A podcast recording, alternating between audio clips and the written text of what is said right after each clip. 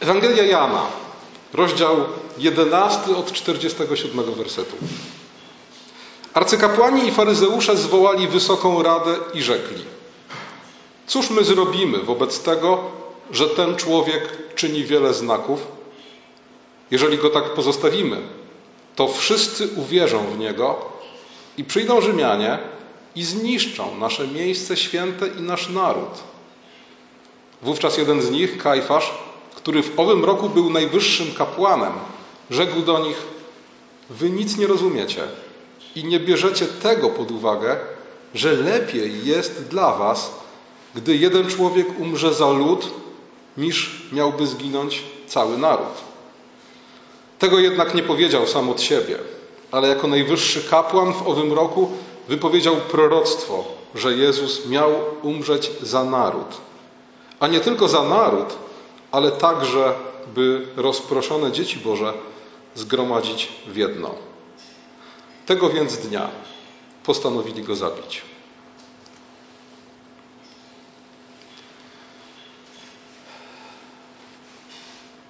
Jest maj, rok 1983. Dwóch warszawskich maturzystów świętuje maturę. Milicjanci zatrzymują ich i, jak się potem okazało, śmiertelnie biją jednego z nich, Grzegorza Przemyka. Grzegorz Przemyk zmarł dwa dni po tym, jak został pobity przez milicjantów. Dlaczego został pobity?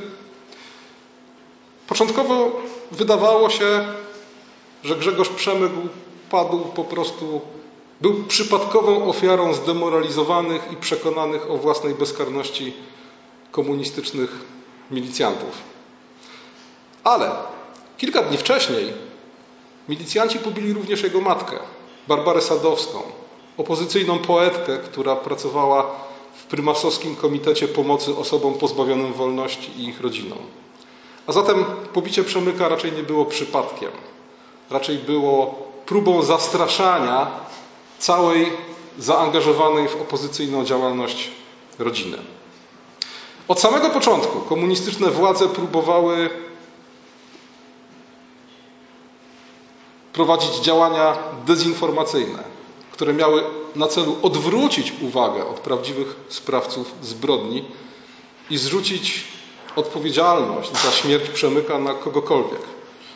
Akurat padło na lekarzy i sanitariuszy. Zachowała się nawet notatka samego generała Kiszczaka. Krótka i treściwa. Brzmiała tak. Ma być tylko jedna wersja śledztwa. Sanitariusze. I rzeczywiście tak się stało. Za śmierć Przemyka skazano dwóch sanitariuszy i lekarkę. Lekarka przesiedziała 13 miesięcy w więzieniu. Sanitariuszy zmuszono do przyznania się do winy groźbami zabicia rodziny. A rok później, w roku 1984, Czesław Kiszczak przyznał nagrody pieniężne funkcjonariuszom MSW za, cytuję, ujawnienie wobec opinii publicznej rzeczywistej prawdy. Pogrzeb Grzegorza Przemyka stał się wielką antykomunistyczną demonstracją. Dlaczego opowiadam Wam tę historię? Z powodu piosenki, którą na pogrzebie Grzegorza Przemyka śpiewała antykomunistyczna młodzież. Nie wiem, czy ktoś z Was wie, co takiego śpiewali. Śpiewali mniej niż zero zespołu Lady Punk. Tekst tym, którzy nie znają, przybliżę, brzmi tak. Myślisz może, że więcej coś znaczysz, bo masz rozum, dwie ręce i chęć. Twoje miejsce na ziemi tłumaczy zaliczona matura na pięć. Są tacy, to nie żart, dla których jesteś wart mniej niż zero. Co prawda autorzy piosenki tłumaczyli się, że tekst powstał kilka miesięcy wcześniej, ale to nie przekonało cenzorów. Piosenka zniknęła z radia i z listy przebojów programu trzeciego na wiele miesięcy. Co to ma wspólnego z jedenastym rozdziałem Ewangelii Jana? Zwróćcie uwagę na to, że w historii Grzegorza Przemyka pojawiają się ludzie, dla których jego życie nie miało żadnej wartości. Zabili go, żeby zastraszyć jego matkę. Ale żadnej wartości nie miało dla nich też życie lekarki i sanitariuszy, których na podstawie fałszywych oskarżeń skazano na kary więzienia. Ani życie, ani dobre imię tych ludzi nie miały żadnego znaczenia, mniej niż zero. I zobaczcie, że dokładnie takich samych ludzi spotykamy w jedenastym rozdziale Ewangelii Jana. Arcykapłani i faryzeusze. Duchowa arystokracja Izraela. Elita władzy duchownej i żydowskiego wymiaru sprawiedliwości. Cytując bardzo współczesnego klasyka, moglibyśmy powiedzieć zupełnie nadzwyczajna kasta ludzi. Ci, którzy mieli dbać o prawdę, którzy mieli dbać o sprawiedliwość, o należyty sposób oddawania Bogu czci. Ci, którzy otrzymali władzę sądzenia i autorytet zasiadania na mównicy Mojżesza, jak to pewnego dnia powiedział sam Jezus. Co robią? Postanawiają zabić niewinnego człowieka. Cytowałem kilka tygodni temu zdanie Grzegorza Wielkiego: Corruptio optimi pessima. Zepsucie tego, co najlepsze, jest najgorsze. Dokładnie to dzieje się w Izraelu. Ci, którzy mieli być najlepsi, ci, którzy mieli stać na straży prawdy i sprawiedliwości, okazują się być największymi wrogami prawdy i sprawiedliwości. Zwróćcie uwagę na ostatnie zdanie fragmentu, który przeczytałem. Postanowili go zabić. Oni nie postanowili go oskarżyć. Nie postanowili wymierzyć mu sprawiedliwość, przeprowadzić proces. Oni postanowili go zabić. Nie chcieli wykazać Jezusowi winy w uczciwym procesie. Chcieli go po prostu zabić. Dokładnie to przepowiedział Jezus w 11, w 18 rozdziale Ewangelii Łukasza, kiedy po raz trzeci zapowiadał swoją śmierć. Mówił do nich: Idziemy do Jerozolimy, tam stanie się wszystko, co napisali prorocy, wszystko się wypełni. Wydadzą syna człowieczego poganom, wyśmieją, zelżą, oplują, a ubiczowawszy zabiją. Wszystko to się stało i wszystko to było całkowicie, absolutnie bezprawne. Wydali go poganom, chociaż nie mieli prawa wydać go poganom. Zelżyli i opluli, chociaż nie tak powinno się traktować podsądnych zgodnie z prawem mojżeszowym.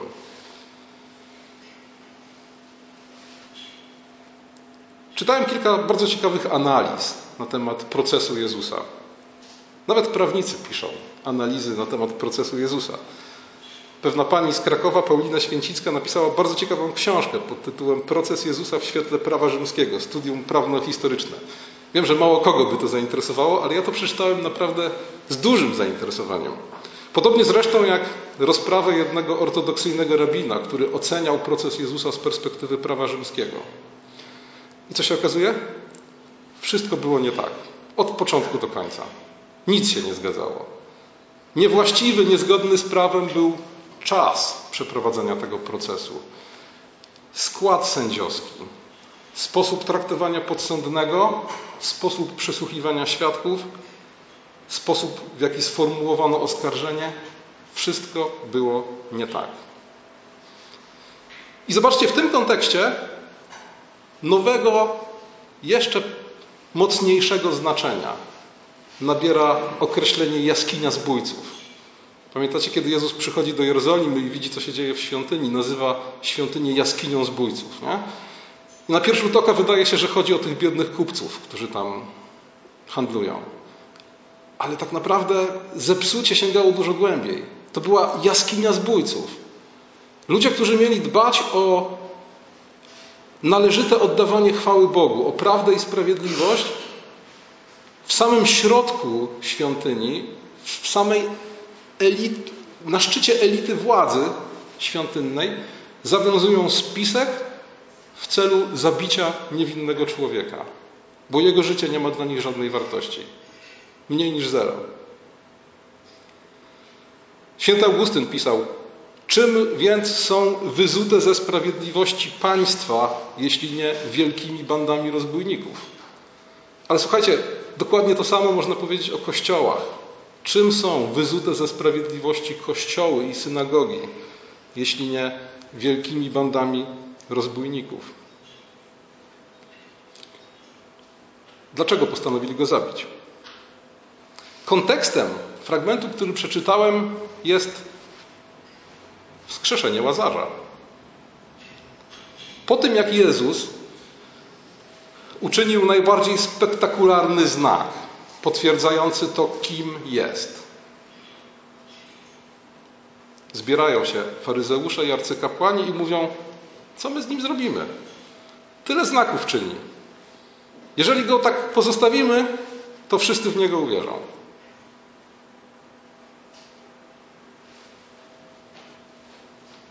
Widzicie absurdalność tej sytuacji? Przywódcy ludu Bożego, który od tysięcy lat czeka na Mesjasza, orientują się nagle, że ten galilejski prorok zdaje się wypełniać wszystkie znaki, jakich należałoby oczekiwać po tym oczekiwanym Mesjaszu. I co robią? Cieszą się? Nie, mówią, co my z nim zrobimy? Jak tak dalej pójdzie, wszyscy w niego uwierzą.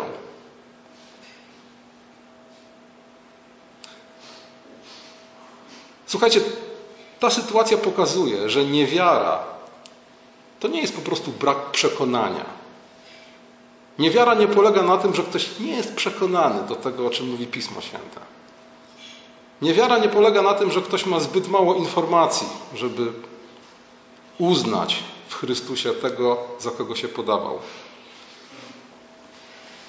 Niewiara jest po prostu nienawiścią do prawdy. Niektórzy śmieją się z tego, że ateizm ma swoje dwa podstawowe dogmaty. Pierwszy Boga nie ma, drugi nienawidzę Boga.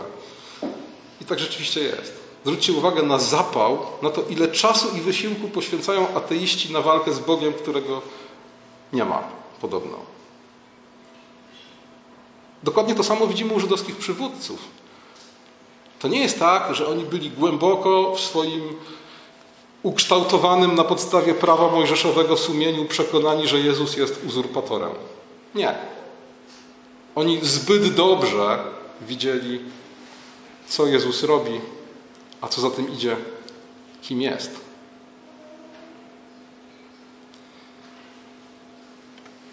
Dlaczego w takim razie próbowali go zabić? No. Troska. Troska o co? Mówią, jeśli go tak zostawimy, wtedy wszyscy w niego uwierzą, wtedy przyjdą Rzymianie i zniszczą nasze miejsce święte i nasz naród. A zatem, przynajmniej werbalnie, arcykapłani i faryzeusze troszczą się o miejsce święte i o naród wybrany. A jak jest naprawdę? Tak naprawdę troszczą się o zachowanie status quo. Status quo, który daje im władzę, pozycję i profity.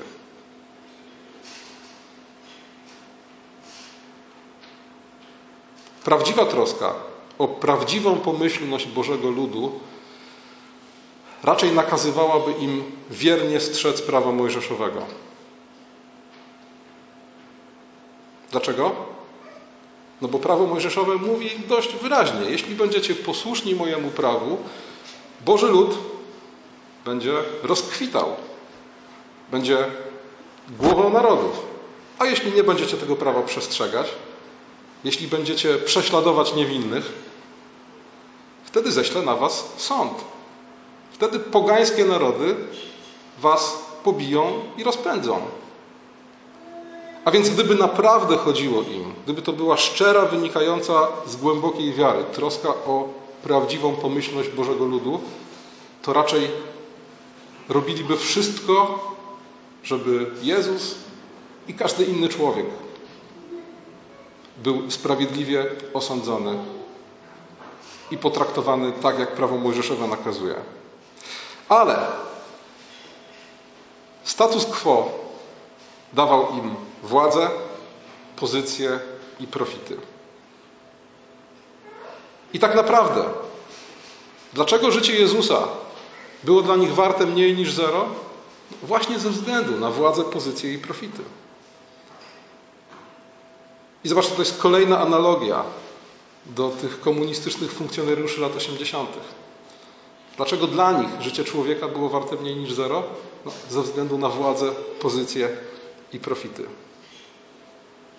Jeśli władza, pozycja i profity są na pierwszym miejscu, jeśli sprawiedliwość i prawda nic w ich kontekście nie znaczą, wtedy można każdego niewinnego człowieka opluć, znieważyć, pozbawić dobrego imienia, a nawet zabić. Był taki słynny prokurator generalny Związku Radzieckiego w czasach stalinowskich, Andrzej Wyszyński, który mówił: Dajcie mi człowieka, a znajdę na niego paragraf. Dokładnie tak samo zachowują się arcykapłani, uczeni w piśmie i faryzeusze. Dajcie mi tego Jezusa, coś na niego znajdziemy. I zwróćcie uwagę na to, że tak właśnie przebiega proces Jezusa. Ci prawnicy analizujący proces Jezusa mówią, że zarzuty, zarówno w prawie mojżeszowym, jak i rzymskim, powinny być sformułowane przed procesem i nie mogą być w trakcie procesu zmieniane. A tutaj co widzimy? Przychodzą różni fałszywi świadkowie, coś tam mówią, przeczą sobie nawzajem, aż w końcu arcykapłan wpada na taki pomysł, żeby od samego Jezusa wyciągnąć stwierdzenie tak, jestem Synem Bożym. Czyli żeby podsądny sam siebie obciążył. Krótko mówiąc, od samego początku widać, że ten proces jest w taki sposób prowadzony. Nie wiemy jeszcze, za co ostatecznie go skażemy, ale będziemy tak długo procesować, aż w końcu ktoś powie coś, że będziemy mogli rozedrzeć szaty i powiedzieć, czyż potrzeba nam jeszcze więcej świadectwa. Tak to dokładnie wyglądało. Czym jest dla nas ta opowieść? Po pierwsze, jest przestrogą, aby nie stać się takim człowiekiem, nie stać się takimi ludźmi, jakimi byli żydowscy przywódcy. Oczywiście pierwsza nasza reakcja jest taka, no jak? Gdzież nam do tych zepsutych, złych, wrednych arcykapłanów i faryzeuszy? Ale słuchajcie, tacy ludzie, oni nie biorą się znikąd, tak? Oni rodzą się i dorastają jak wszyscy inni. Pamiętajcie, że arcykapłani uczeni w piśmie urodzili się i dorośli pośród Bożego ludu. Kształceni byli w najlepszym możliwym systemie prawdy i sprawiedliwości, jaką było, jakim było prawo mojżeszowe. Zwróćcie uwagę na synów Zebedeusza, których czytaliśmy w dzisiejszej Ewangelii. Po długim okresie chodzenia z Jezusem nagle ni stąd ni zowąd przychodzi im do głowy, żeby załatwić sobie bokiem miejsce po prawej i lewej stronie Jezusa w dziejach apostolskich. A więc słuchajcie, to pragnienie, ta pokusa zabezpieczenia swoich interesów kosztem prawdy i sprawiedliwości, to jest pokusa, przed którą staje każdy z nas. Im bardziej temu ulegasz, tym większe jest ryzyko, że dojdziesz w pewnym momencie do punktu, w którym na przykład dobre imię Twojego brata będzie warte mniej niż zero w relacji do Twojej pozycji i profitów, o które zabiegasz. Może nie od razu będziesz gotów zabić kogoś dla pozycji i władzy, ale na przykład będziesz gotów kogoś oskarżyć, oczernić, obmówić albo w inny sposób zszargać jego dobre imię. Dalej historia ta jest też przestrogą przed koncentracją władzy w rękach jednej grupy ludzi albo jednego człowieka. Chrześcijanin, który zna biblijne nauczanie o kondycji człowieka, nigdy nie powinien być etatystą. Nigdy nie powinien być człowiekiem, który upatruje rozwiązania swoich problemów, na przykład w działalności instytucji państwowych. Dlaczego? Dlatego, że koncentracja władzy powoduje, że ludzie dzierżący władzę, dbając o swoją pozycję, profity i status quo, jeśli nie patrzymy im na ręce, zaczynają poświęcać na ołtarzu status quo dobro innych ludzi. Ale słuchajcie, historia ta ma swój happy end. Happy end, o którym mówi Psalm 118. Kamień odrzucony przez budujących stał się kamieniem węgielnym. Jezus Chrystus, którego oceniono i zważono, który był w ich oczach wart mniej niż zero, w Bożej opatrzności stał się kamieniem węgielnym, fundamentem nowego ludu Bożego i nowej ludzkości. I słuchajcie, tutaj pokazuje się po raz kolejny w Piśmie Świętym bezsilność zła. Co chcą uczynić? Chcą zniszczyć Chrystusa.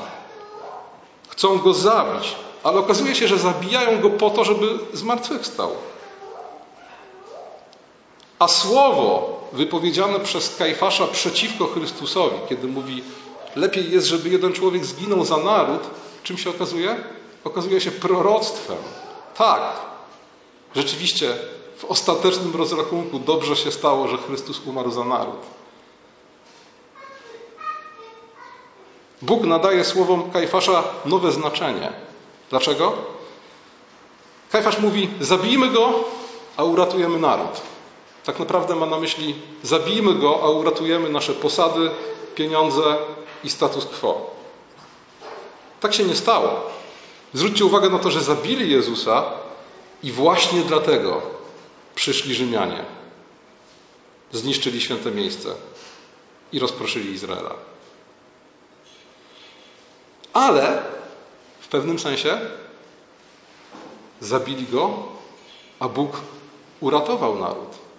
A nawet zrobił coś znacznie większego.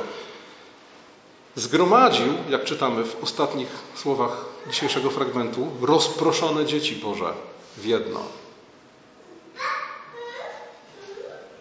Śmierć Jezusa nie powstrzymała Rzymian przed zburzeniem świątyni i rozproszeniem Izraela.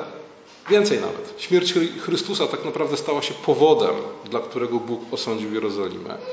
Ale Bóg, który zawsze z najgorszego zła wyprowadza największe dobro, Bóg sprawił, że śmierć Jezusa uratowała naród, uratowała tych wiernych, oczekujących Mesjasza Izraelitów, przyniosła im wieczne zbawienie, a do tego jeszcze doprowadziła do zgromadzenia w jedno rozproszone dzieci Boże.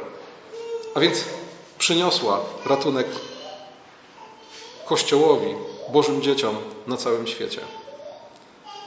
Oni go zabili, a Bóg uratował świat.